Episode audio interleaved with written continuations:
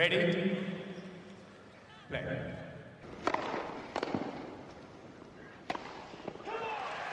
Merhabalar, Raket Servisi hoş geldiniz. Ben Gökalp. Ben Anıl, merhaba.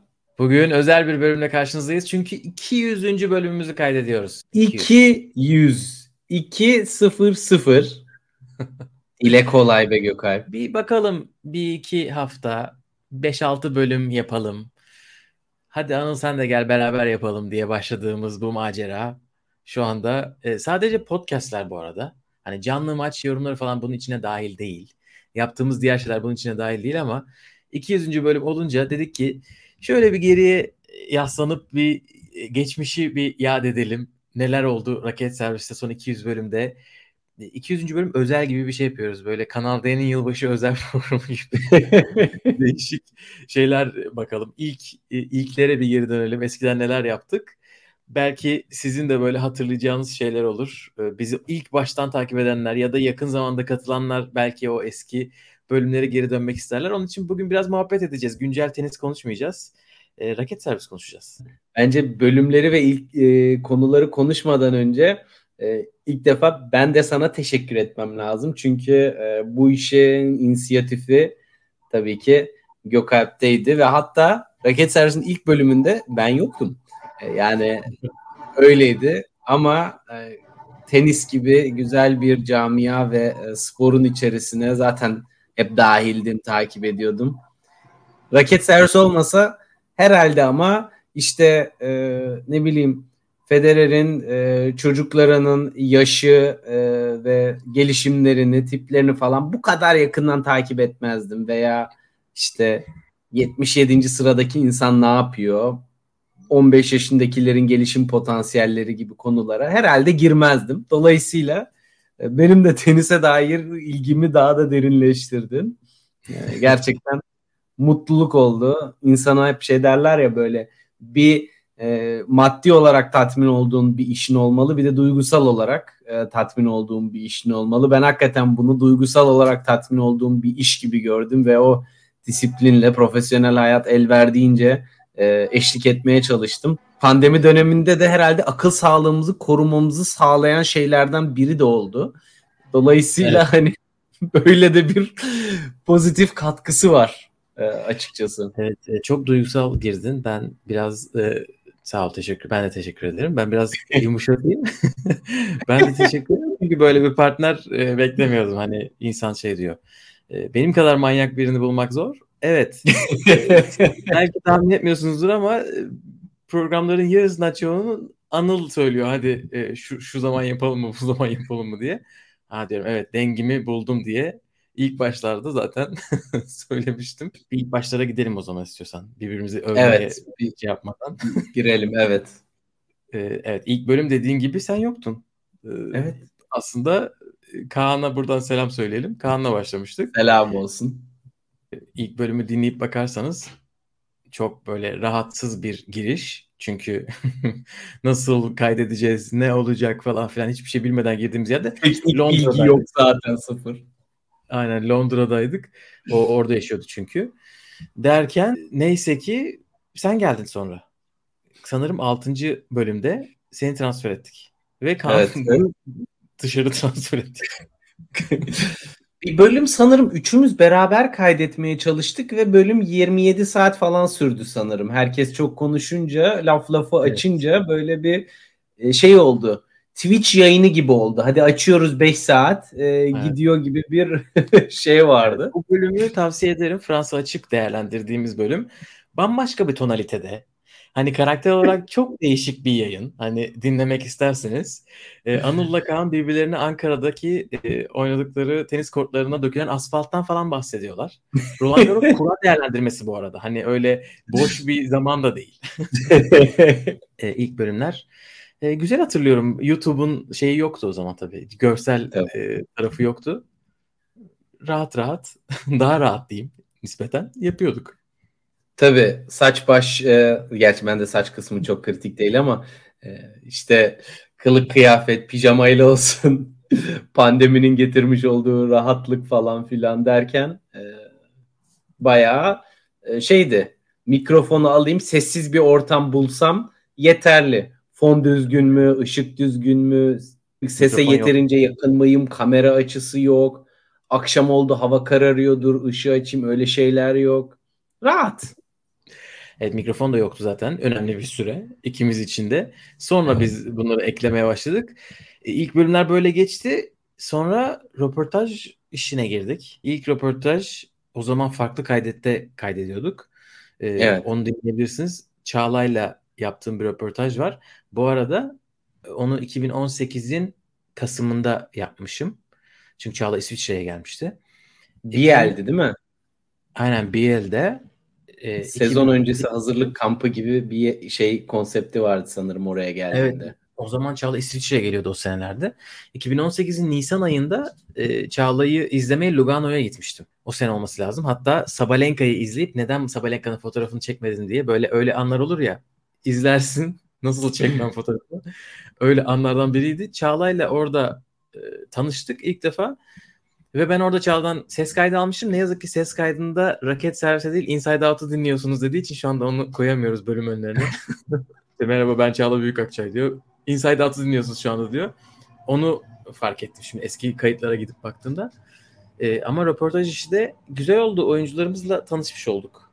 Evet. Onlardan da güzel yorumlar aldık genelde. İlk başta Çağla'ydı sonra pandemi işi hızlandırdı tabii. Ama burada Çağla'ya da tekrardan e, teşekkür ediyoruz. Çünkü böyle en başlangıçta böyle sıfırdan ya kim bunlar niye bunlara vakit ayırayım ki diyebileceği bir noktada e, bence e, son derece e, güzel bir e, başlangıç oldu bizim için. Böyle en zirveden e, başlangıç derler ya böyle direkt top e, Türk tenis tarihine böyle ilk WTA kazandığı ilk röportajınız ne? Buradan başlıyoruz hani. E, o açıdan e, güzel de oldu. Ve hani e, bir kapı, kapı açan bir şey aslında. Yani orada bizim için de e, rahatlatan bir şey. Bir röportajda ne yapılır, ne konuşulur vesaire. Acemilikleri tabii e, zamanla atıyoruz biz de. Evet, lojistik ayarlamak çok zor. Ee, Çağla'nın röportajını hatırlıyorum şimdi İsviçre'deki tenis merkezinde. e, bütün mesai bitmiş, bütün oynayanlar gitmişlerdi. Onun için şanslıydım hani sessiz sakin bir ortamdı. Ama kapandığı için zaten o röportajı dinleyenler belki hatırlayacaklardır. E, temizlik başlamış. Yanımızda elektrikli süpürgeyle geldi adam. Çağla böyle bastırmaya çalışıyor. En son kestik. Dedi ki ya dedi bir, bir yarım saat sonra yapabilir misiniz dedi. Ben şu anda bir röportajdayım. Çünkü röportajda olduğumuz tabii ki belli değil. Bir kafe masasında ortamızda bir telefon duruyor. Öyle olunca Muhabbet ediyormuş gibi. aynen öyle. Sağ olsun dediğin gibi çok güzel oldu bizim için. O başlangıçtan sonra belki de hani diğer röportajlar biraz daha Çağla'nın da referansıyla hani onun ismini en azından biz söylüyorduk. Çağla'yla yaptık. Siz de yapabilir miyiz diye. Ee, ondan sonraki ilk röportajımız galiba Bora Hoca. Senin yaptığın. Evet. E, Bora Hoca ile hatta e, Bora Hoca'ya da buradan tekrar selam olsun. O da benim e, şey çocukluktan tenis antrenörümdü. Nereden nereye? Çok güzel bir röportajdı. Şimdi Amerika'daki zamanları falan aklıma geliyor anlattın. Ya o anekdotlar oralarda mutlaka e, geriye dönük şimdi US Open öncesi anekdot arayanlar o röportaja geri dönsün. E, Federer'i yenen o zaman Robredo ile beraber eğitim partnerlığını yapıyordu Bora Hoca falan. Böyle acayip e, inside bilgiler var özellikle USTA'deki zamanlarından. Şey demişti hatta hiç unutmuyorum ben böyle hani müsait olduğunuz bir vakitte e, yapalım demiştim. Anıl dedi zaten evde oturuyoruz pandemi. Hani vakitten bol hiçbir şey yok hemen yapabiliriz demişti. Aile de aynı şeyi söylemişti. Tam zaten Evet. ondan bir iki hafta sonra yapmıştık. Herkese o zaman yapacakmışız. Evet. O iki ay. Değil mi? Böyle her gün bir tane yapıp böyle 3 haftada bir, 4 haftada bir koyup böyle. Özellikle turnuvalar başladıktan sonra tabii e, röportajları yapmak istiyoruz ama acayip zorda bir lojistiği var. Çünkü e, atıyorum işte İpek'le konuşuyorsun, Berfu'yla Çağla'yla konuşuyorsun ya bir yerden bir yere uçuyorlar, internetleri çekiyor, çekmiyor, antrenman ne zaman, turnuvadan ne zaman geri dönecekler, hangi gün maçları var filan. Tenisçi olmak gerçekten zibilyon tane belirsizliği beraberinde getirdiği için hani bizim için de o belirsizlikler içerisinde bir yere konuşlanmaya çalışmak e, tecrübe e, diyeyim yani orada biz de esneklik anlamında tecrübeler kazanıyoruz. Zeynep'le geçen sene bu zamanlar yapmak istemiştik. Tunus'ta internet kötü diye yapamadık. Hani böyle sebepler oluyor. Gerçekten diyorlar yapmak istiyoruz ama bir türlü denk getiremedik ondan sonra. İyi olmuş. Şu anda Zeynep Evet. yapmak çok daha güzel olur. Geçen sene bu Kariyer yüksek sıralamasını ilk 200'e giren e, sporcularımız arasına girdi. Gerçekten önemli bir e, mihenk taşı onun da kariyerinde. Mert Hoca ile zaten o artık programın bir parçası gibi düşündüğüm için konuk olarak değil Evet. onunla en çok belki de onu aldık. Yani bölüm olarak en çok onu aldık kesinlikle. Çünkü Mert Hoca ile kaç 6 saate yakın sürdü değil mi kayıt? Böyle 3 yani saat. molalar dahil ara verdik yani nefes alalım diye. Bayağı defa- muhabbet. bir her şeyi konuşalım dedik ama gerçekten her şeyi konuşmuşuz. O bir oturmadan 3 bölüm çıktı. Ki biz Evet. eskiden hani bölme taraftarı değildik. Şimdi bakıyorum yani bir konsept bölüm yapmışız 1 saat 40 dakika. Onu bölüver değil mi? Hani ne gerek var 1 saat 40 dakika yapmaya? Ama Mert Evet. Yaptığımızda zaten o aşikarmış. Hani bunun 3'e bölünmesi gerekiyor. Ee, çok, çok acayip keyifliydi. Kendisine selamlar. Zaten sürekli bizi hep en baştan beri Evet. destekledi. Paris'te onunla beraber bir bir bölüm yaptık. Fransa açık 2019 galiba. Da 2019 Paris balkondan hatıra fotoğrafımız ki o turnuvada e, gerçekten ben ilk defa tanışmıştım Mert Hoca ile orada sanırım değil mi? O mu o sene miydi? Daha öncesinde çünkü sizin de Twitter'dan muhabbetleriniz falan vardı ama ya 2018'de ya da öyle bir şey böyle artık hadi e, ne zaman geliyorsunuz işte akşam beraber e, yemeği yapalım işte E, bir de e, Mert Hoca'nın sanırım bilgi ve paylaşım cevheri e, Türkiye'de yoktur o kadar fazla başka bu kadar bu işin detayında e, olan acayip bir muhabbet bir açıldı mı sen A diyorsun zaten 10 tane bilgi arkasından geliyor böyle bir şey ansiklopedi gibi. Maşallah taktik, oyuncu, geçmiş, gelecek, bugün ne ararsan. Evet zaten 2-3 senedir de oyuncular da faydalanıyorlar profesyonel anlamda. Onun için hepimiz çok mutluyuz. Evet. Ee, onun kadar olmasa da 3 defa programa gelen Altuğ Çelik Bilek buradan selamlarımızı iletiyoruz. Sürpriz konuk mu olmadı? Tornado'nun ortasında Orlando'dan. 4 mu acaba? Şimdi sürpriz konuk deyince e, emin Quiz olamadım. Show'a gelmişti. 4 o Quiz zaman evet. Evet. Aynen çünkü Pozo Blanco e, Türk finalinden sonra Evet. e, bir röportajımız var. İlk podcast'ten sonra. O röportajda hatta yan yataktaki Cem'i biraz görebiliyorsunuz. E, ondan sonra Avustralya açıktan bağlanıp bize e, Djokovic'in aşı durumuyla alakalı oyuncuların e, düşündüklerini anlatmıştı. Evet.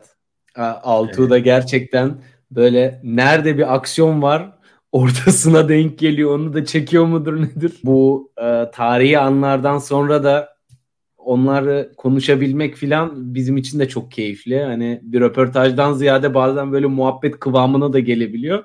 Ki ben hani bilmiyorum röportajın öylesi makbul diye düşünüyorum. Kendi açımdan en azından akıp gidiyor. Kesin, kesin zaten biz hep böyle yapmaya çalışıyoruz ama tabii herkesle aynı şekilde olmuyor ya da ikinci sefer çok kolay oluyor bir ilke göre.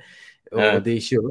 Ee, Başka oyuncularla da yaptık. Onlar da çok onlara da çok teşekkürler. Aile zaten dediğimiz gibi en başta yaptığımız pandemi röportajlarından Evet. biriydi. İpek'le yaptık. İpek Öz'le, Ergi'yle, Berfu'yla. Ee, bir de oyuncular dışında Berces'te Şeber'le yaptık. Evet. Spor spikerleri Uygar Karaca, Aras Yetiş.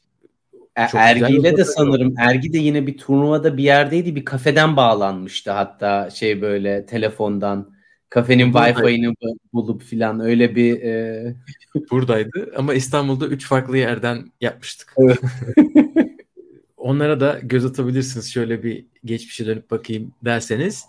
Sonra e, tabii YouTube gelince canlı yayınlar da başladı. Quiz show var tabii. İlk quiz show Aralık 2020'de yapmışız. Ve toplam 9 tane yapmışız. Güzel geçti vallahi çok eğlenceliydi. Buradan da e, Joker Nole'ye selam olsun. 9 quizin 15'ini kazanan. sayemizde kitap kurdu oldu diyebilir miyiz?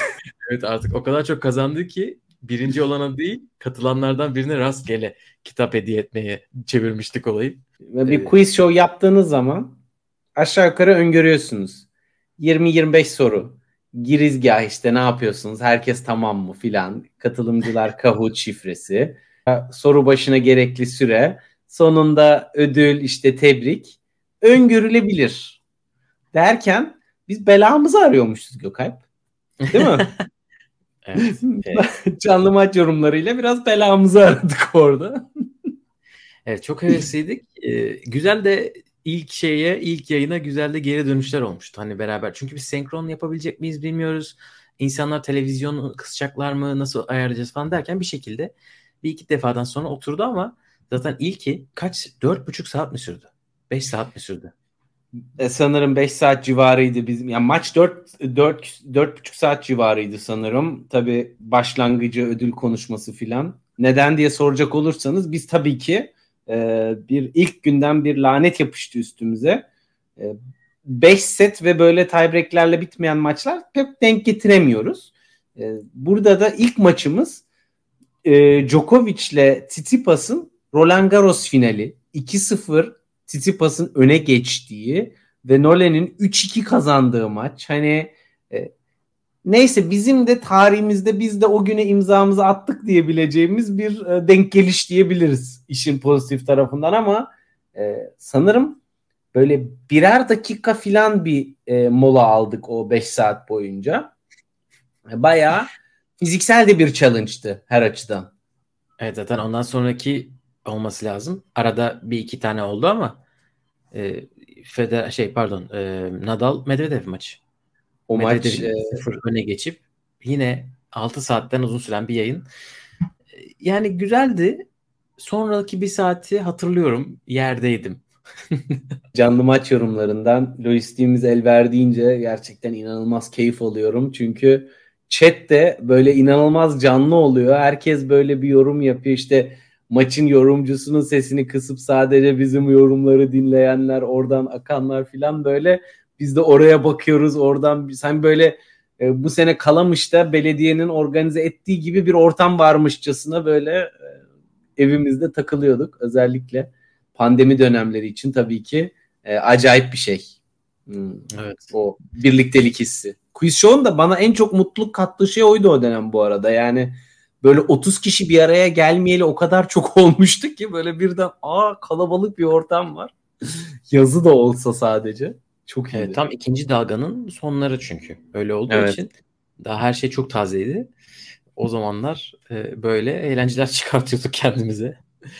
E, bir de o da var tabii yani e, aktif gündem de daha sakin oldu. Tenis yoktu. Biz tenis podcast'ine raket servisi olarak o dönemde başladık. Mart 2020. Ten, biz raket servis dedik.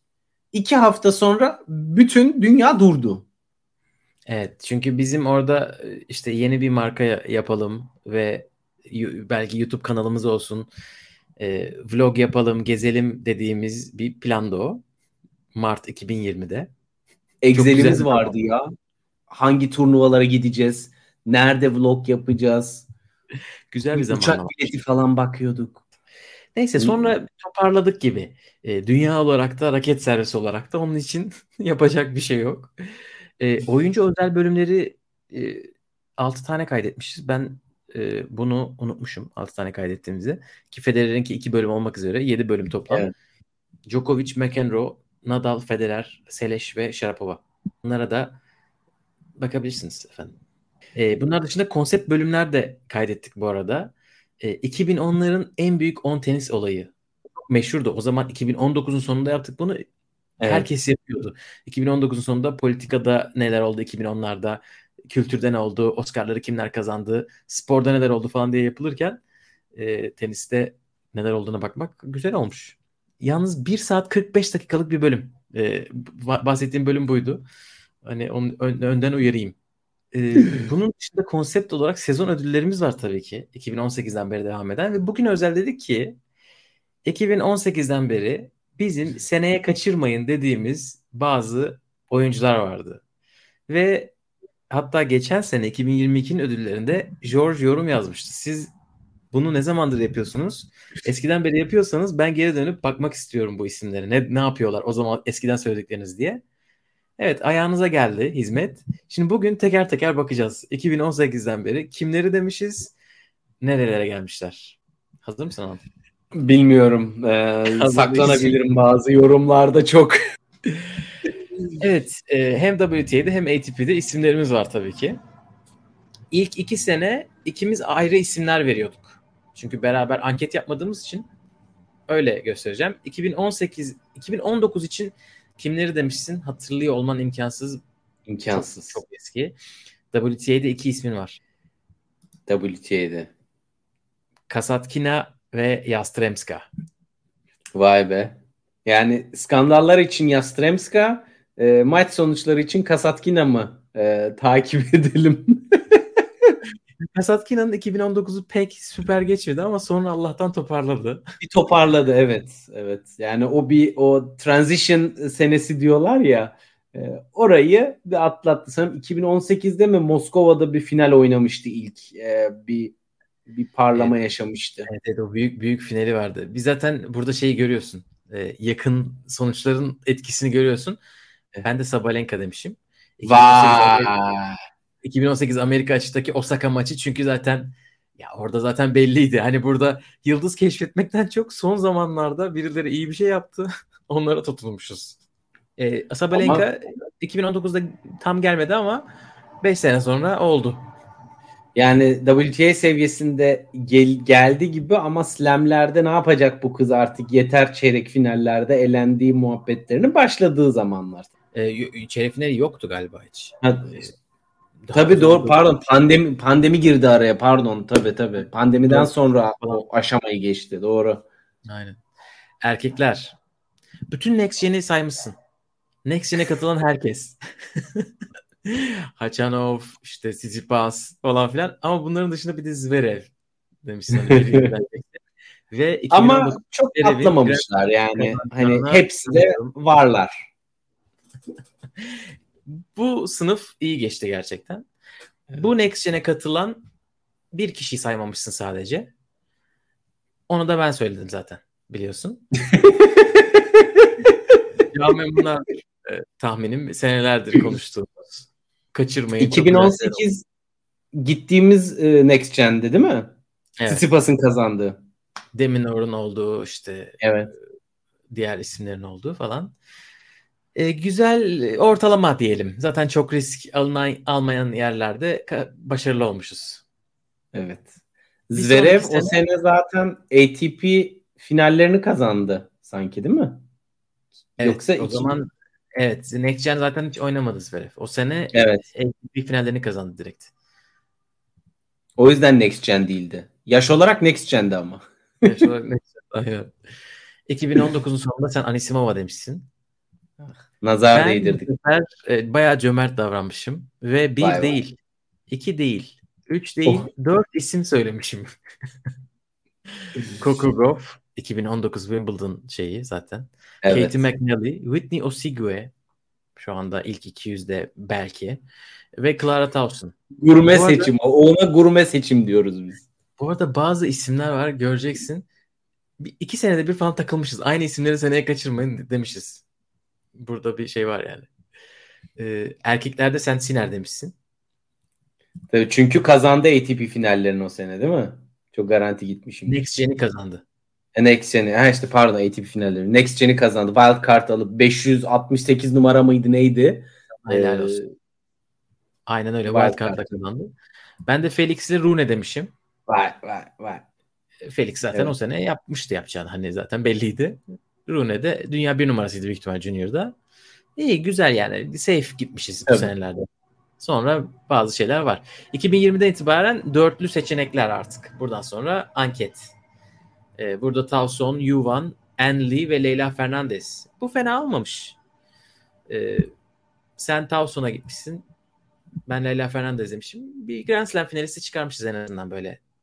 Ya Biraz. daha ne çıkaracaksın ya? Daha ne çıkaracaksın? O, o bile beklemiyordur zaten. Ya kimse bilmiyordu. Çıkacak Sen... da finali elemeden gelen birine kaybedecek mesela. İnanılmaz bir senaryo. Zaten onu yap. E, bahisten zenginsin Gökalp. Bitti. Evet. Raducanu'yu bil zaten bitti. Raket servis Monte Carlo yaparız o zaman. 2020'nin sonunda ATP'de de demişiz ki Francisco Cerundolo. Şimdi güzel gözüküyor bence bu. Evet. Korda Muzetti, Alcaraz. Alcaraz belliydi zaten o zamanlardan. Ama yani Challenger kazanıyordu. İkimiz de zaten Alcaraz trenine binmişiz orada. Yani biz demiştik diye bunu bir e, şey yapalım mı? Ta 2019 Aralık'ta demiştik biz. Hani 2023'te e, aa bu Alcaraz çok iyiymiş ya diyenlere ukalalık yapmak için müthiş bence. 2020 Aralık bu. ee, ama e, zaten Alcaraz'ı biliyorsun 2017'den beri bilenler var. Barcelona'da oynadığı 14 yaş turnuvasını falan anlatıyor insanlar. Helal olsun onlara. 2021'in sonunda kadınlarda değişik bir liste. Fantazi. Gurmeleşmiş bir liste. Jimenez Kasintseva, Snigur, işte Halep'i eledi. Hadi belki oradan puan. Fruvirtova kardeşler. Diampari tahminimize ufak bir alkış alabilir miyim? Gitti ondan sonraki sene 3. tura çıktı Fransa açıkta hiç kimse beklemiyorken. Yani, o da herhalde Junior sırasından gelmiştir diye tahmin ediyorum. Hem Junior sırası bir de benim tahminim şu, şu e, açıkçası ama Diampari e, bizim kızlarla hiç e, ITF seviyesinde o sene oynamamıştı sanki değil mi? e, Ekim'de bu senenin Ekim'inde İpek'le belki Sevilla'da oynamış olabilir. Bir yerden Oradan. çünkü öyle bir şey yakaladık gibi diye hatırlıyorum. Yani o Türk tenisinin ITF seviyesi ve Challenger seviyesindeki maçlarını takip etmek de inanılmaz böyle isim keşfetmeye de e, fayda sağlayan bir şey doğru, diyebilirim doğru, bir yandan. Aynen. O zaman o, o olabilir. Doğru diyorsun. Erkeklerde 2021'in sonunda çok garip bir liste. Grigspor, Kozlov hatırlarsın. Kozlov senin e, gurmeliğinde. Ben onu hatırlıyorum. Kozlov lobisi yaratıp e, ankette sıfır oy çıkmıştı Kozlov'a hatırlarsan. Evet, evet. bir kişi bile övdün övdün kimse. Yani 2022'de de var sanırım. E, spoiler vermem. Diane Schneider'de de sanırım öyle bir şey var mıydı? Emin değilim bak düşük bir sonuç var ama sıfır evet. değil galiba. Ama bir Kozlov'da evet. bir Semiha Yankı seninle bir dakika yaşamışım. Böyle sıfır puan. E, Holger Rune ve Dominik Striker. Rune iki sene sonra geri gelmiş listeye. E, kaçırdıysanız bu sefer yine kaçırmayın diye. Sen ne gittiğini hayal edebiliyor musun buradan? E, Greek Spor mu dedim ben? Sen Greek 7 tane challenger'ı var diye. Gerçekten insanın kendini bilmesi gibi bir şey yok. Ben de o kadar anlattıktan sonra gururuma yedirememekten herhalde. Ben de Kozlov demişim. Kozlov hiçbir şey yapamadı. Hiç sıfır. Güzel bir liste. Bir hadi bu, bu sene nihayet bir e, Challenger aldı. Geçen sene de o sene de vardı Challenger. Zaten ben oradan kandım. E, 2021 Lugano'yu kazandı. E tabi doğru. Sen Altuğ'u izlemeye Lugano'ya gittin. Striker izledin. Kazandı. Aynen o gitti kazandı. Evet, tam, tam o turnuvaydı. Heh, aynen. Son olarak da 2022 zaten çok yakın. Amerika açık da var. Bu tahminlerde belki bir şeyler çıkabilir. Bir iki ayımız daha var. Kadınlar e, Beylek, Marchenko, Noskova, Schneider. Fena değil. Marchinka net ITF efekti. E, çünkü canavar gibi oynuyordu orada. Acayip e, ITF seviyesinde seri yapmıştı deli gibi. İkimiz de gelmişiz bu efekte ve Marchenko evet. diye şey yapmışız, bitirmişiz. Ama Schneider galiba bunların ya da Noskova. Sen Schneider'i övdün orada bayağı. O yayında ben öyle bir şey hatırlıyorum. Noskova buranın galiba en yüksek sıralamalı ismi şu anda. Evet. Schneider de 2'dir diye hatırlıyorum, düşünüyorum. Şu Sonra anda Noskova tekrar bir eşik atlayacak gibi bir yere geliyor sanki. Böyle bir e, US Open olmasa da Avustralya vesaire bir sürpriz e, yapabilir gibi. Üçüncü tur, dördüncü tur filan. Evet çünkü Grand Slam'larda fena maçlar oynamıyor. Şimdi evet. e, 71 numaraymış. Okay. Kurası e, tabii bazen sıkıntı olabiliyor. Erkeklerde kimleri demişiz?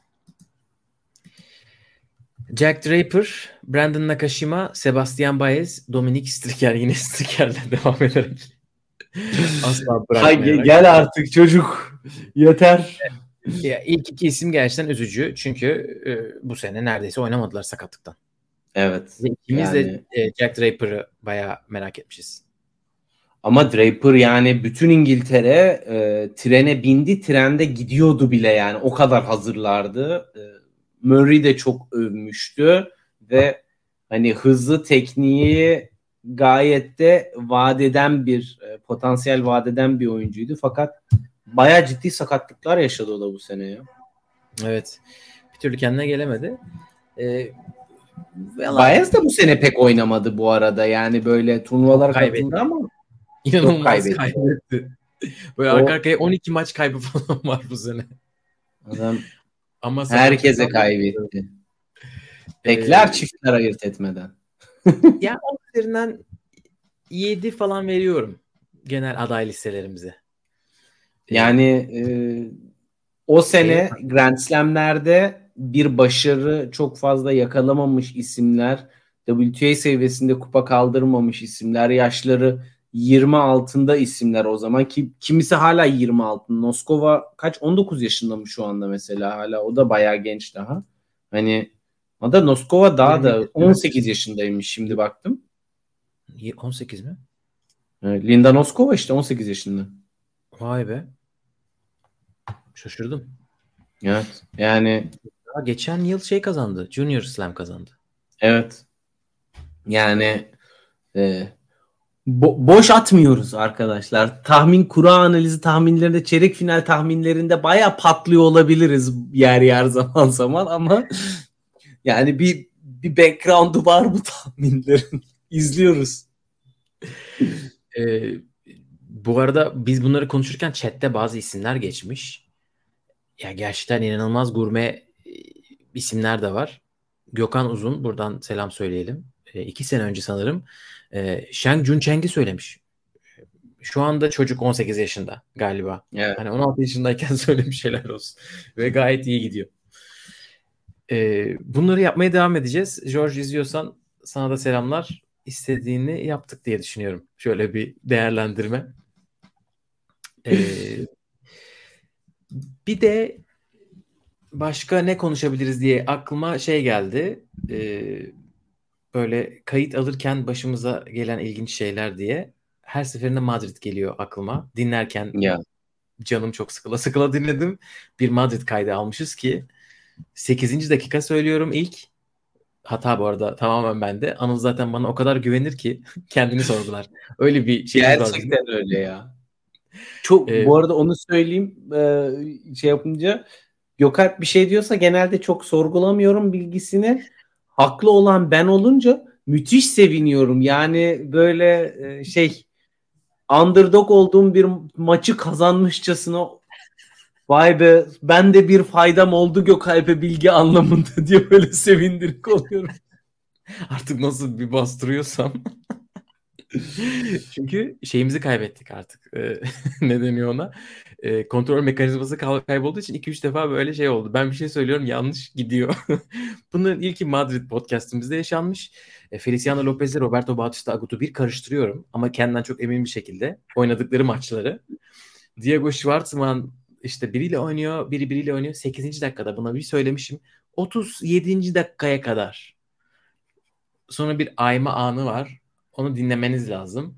Ee, sen diyorsun ki Diego Schwartzman'ı da izledik biz. Bir dakika rakibi kimdi ya? Bir dakika o onunla oynamadı. Esyen Gana'da beyler gibi bir ayma. Burada bir parçalar uymuyor birbirine. Evet gerçekten e, ilginç e, bir an oldu. E, O da çok iyi turnuvaydı be gerçekten. Yani e, bu, bu fiyatları falan konuşmuşuz o bölümde. 22 euroya izlemişiz. İkinci tur maçı ve ikinci tur maçların hepsi dışarıda. 22 euroya şu anda Türk lirasına çevirin. Türk Yine lirasına ucuz. çevirmeden, çevirerek o fiyata bulmak imkansız. Pandemi gerçekten bütün her şeyi silindir gibi ezmiş geçmiş yani. Bütün her yerde fiyatlar e, çok arttı. ve Ama şey de vardı yani de böyle şeyler böyle- var. Böyle fırsat yerleri var. e, orada zaten Madrid'e gidiyorsun ve e, böyle bir alan oraya giriyorsun Caja Mágica diye böyle kendi içinde bir kompleks ve antrenman yerlerinin hepsi yan yana kocaman yazıyorlar işte şuraya Zverev gelecek şuraya team gelecek filan. Yani herkes şey gibi yan yana kortlarda bütün yıldızları şu mesafeden görmek ya bayağı keyifli. Ve hani onu 22 euroluk bilet aldığımız gün yapmıştık. Hatta Ee, şey değil miydi Gökalp? Ben geldim. Gökalp neredesin? Buluşacağız. Hiç maç planımız yok. Bir tek yarı finale cumartesine biletimiz vardı. Anıl bile çok ucuzmuş. Ben gittim e, alalım mı diye ben öyle havalimanından direkt Kahamayıka'ya şey çantamla gelmiştim gibi bir durum. Evet. Orada da Zaten o, bu, o zamandan beri bana soran olursa ben hep ilk e, turlar diyordum insanlara izlemeleri için. Şu anda fiyatların artmasıyla beraber birinci tur ve elemelere çektim onu. tavsiyeyi. Ve ama gerçekten çok keyifli oluyor. Yani bu İstanbul'da izleyeceğiniz WTA turnuvası için de geçerli bence. Elemeleri izleyebiliyorsanız genelde bedava oluyor. E, Antrenman izliyorsunuz. Eleme maçları çok keyifli. Çünkü biz de ITF bu kadar yakından izlemiyorduk 2-3 sene öncesine kadar. Oradaki kaliteyi görünce diyorsun ki çok çok bir fark yok. Tabii ki süreklilik böyle tutarlılık fark ediyor ama canlı maç izleme kalitesi olarak e, fiyat performans müthiş oluyor o taraflarda. Ya bir de şöyle bir şey söyleyeyim. Bu bence biraz konser işi gibi. Yani e, ben tenisi izlemeyi çok seviyordum. Ama ne zaman ki bir tenis turnuvasına gidip ilk böyle ATP turnuvamı 2013'te Hamburg'da böyle layıkıyla izledim. Hani böyle turnuva turnuva. E, ve hani oraya da tenisle alakası olmayan bir arkadaşımı götürdüm. Böyle hiç işte tek başıma gidip ne yapacağım diye. Ya o bile dedi ne kadar güzel bir ortam burada işte buraya insan sırf takılmaya bile gelir maç izliyorsun işte şey yapıyorsun filan ve hani Hamburg'da hakikaten bir merkez kort var sen de geldin yanında bir tane daha tahta şey banklı bir kort var ve aslında çok küçük bir tesis baktığın zaman Madrid falan gibi bir yere gidince öyle bir ambiyansa giriyorsun ki tamam ben burada otururum, takılırım, keyifli, sağa sola bakarım. Orada kim oynuyor, burada ne yapıyor? Ve hakikaten şey gibi böyle biraz müzik dinleyip sonra böyle bir ilk canlı konserine gitmek e, ve orada o kasetten, CD'den neyden artık kaç yaşındaysanız ilk kez dinlediğiniz e, şarkıları canlı dinlemek ve onun efekti gibi bir şey oluyor. Zaten öyle öyle sıyırdık be Gökalp bu tenisle yani biraz zamanla. Evet canlı izleyince ayrı güzel oluyor. E, ya, bu arada her seviye. Ben şeye gittiğimde de hatırlıyorum. Göztepe Parkı'nda Lale Kap'a denk geldiğim zaman aldığım keyfi unutamıyorum. Çünkü bir kez e, tamamen şans eseri bir turnuvaya gitmiştim. Zaten benim oturduğum yere çok yakın olduğu için bir baktım orada İpek Soğuylu ile Çağla Büyükakçay maç yapıyorlar. İnanamamıştım. E, bu hani WTA turnuvasına giderseniz İstinye'de o da belki benzer bir şey e, zevk verir. Geçen sene ben bu sene büyük ihtimalle yine giderim. E, TED'deki Challenger'a giderseniz de e, hiç kimse olmuyor. E, ama mesela birisi güzel bir şey yaptı mı? Koray geçen sene yapmıştı Koray Kırıcı. Evet. E, çeyrek final, yarı final fena olmayan insan oluyor ve oranın keyfi bayağı çıkıyor.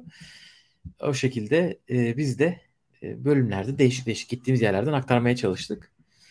E, Valla benim aklıma gelenler bu şekilde. Geçmişe dönüp bakınca zaten yine 40 dakika konuşuverdik hemen çat diye. Evet. E, akıyoruz gidiyoruz. Ne yapalım? Ama e, daha nice 200'lere diyelim. Bu işi evet. Artık e, yaş ilerledikçe yine aynı şekilde aynı sevgiyle yapmaya devam etmeye çalışıyoruz ve e, farklı konseptleri de e, geliştirmeye de çalışıyoruz. Bu sene Gökalp büyük inisiyatif alıp böyle artık e, profesyonel seviyede diyeceğim e, bir vlog hazırladı Wimbledon için. Ona da bakmadıysanız bakın. Hani e, fikirlere açığız, denemeyi seviyoruz. E, bazı şeyleri eğer ki hani sürdürülebilirse e, devam ettirmeye çalışıyoruz. Sürdürülmesi biraz daha zorsa belli sebeplerden dolayı o zaman o da hani e, portfolyoda oluyor ama her şeyi tenisi böyle bir 360 derece kavramışızdır herhalde yaptıklarımızla diye düşünüyorum çok mütevazı olmayarak. Yani özellikle e, e, Gökalp zaten e, geçtiğimiz sene artık böyle level'ı e, aştı. Avustralya, Amerika, Fransa, İngiltere böyle artık o kariyer Grand Slam'ini yaptı. E, dolayısıyla darısı başıma diyorum. Evet, evet tabii orada merak edenler de vardı illa ki. Geçen sene o zamanlar ben İpek Öz'le e, e, e, en azından bir kısmında çalıştığım için hani onunla gelen bir şey vardı. E, biz böyle podcast olarak yapamıyoruz tabii ki öyle şeyleri ama e, güzel bir sene geçti. Allah'a şükür diyeyim. E, ama dediğin gibi yeni yeni konseptler yapmaya çalışıyoruz. E, size de tabii artık yavaş yavaş kapatacağımız için e, biraz lafı da oraya getireyim. Size de çok teşekkürler. Biz böyle programlarda genelde teşekkür etmeye çalışıyoruz. E, eğer böyle bir e, bir sayıya ulaştıysak bir yerde böyle anlarda genelde oluyor. E, ilk baştan beri bizi takip eden artık böyle arkadaş olduğumuz insanlar var. Onlara e, ayrı teşekkür. E, her Grand Slam gelen yeni insanlar oluyor. Onlara da teşekkür edelim ve e, dediğiniz Anıl'ın dediği gibi yorumları her zaman e, bakıyoruz. Hatta yorumlardan şeyler çıkıyor. Yani konseptler çıkabiliyor. Onun için bize her zaman aklınıza gelenleri yazın lütfen. Biz de bu şekilde devam etmeye çalışalım. Benim söyleyeceklerim bu kadar. Ben de tekrardan e, bizi bunları yapmaya motive eden siz insanlara ve bu yolda kazandığımız bütün yeni arkadaşlıklara, dostluklara e, teşekkürlerimi ileteyim. Kendi şahsi kişisel çevremde bu kadar tenis meraklısı insan olmadığı için hani böyle bir platformu yakalayabilmiş olmamız bence e, genel bir keyif ve mutluluk aynı zamanda. E, tenis seven insandan zarar gelmez diyorum her zaman. Dolayısıyla buradaki dostlukların da ayrı bir kıymeti var bende. Evet bu sevgi yumurcağı olarak bitirdiğimiz bölümü burada kapatıyoruz. Ve de artık 201. bölümde normal e, programa geri döneceğiz. Güncel tenis konuşacağız. Yaz ortası, Amerika açık öncesi neler oynanıyor onları konuşacağız. Teşekkürler efendim. Bir sonraki bölüm görüşmek üzere. Hoşçakalın. Hoşçakalın.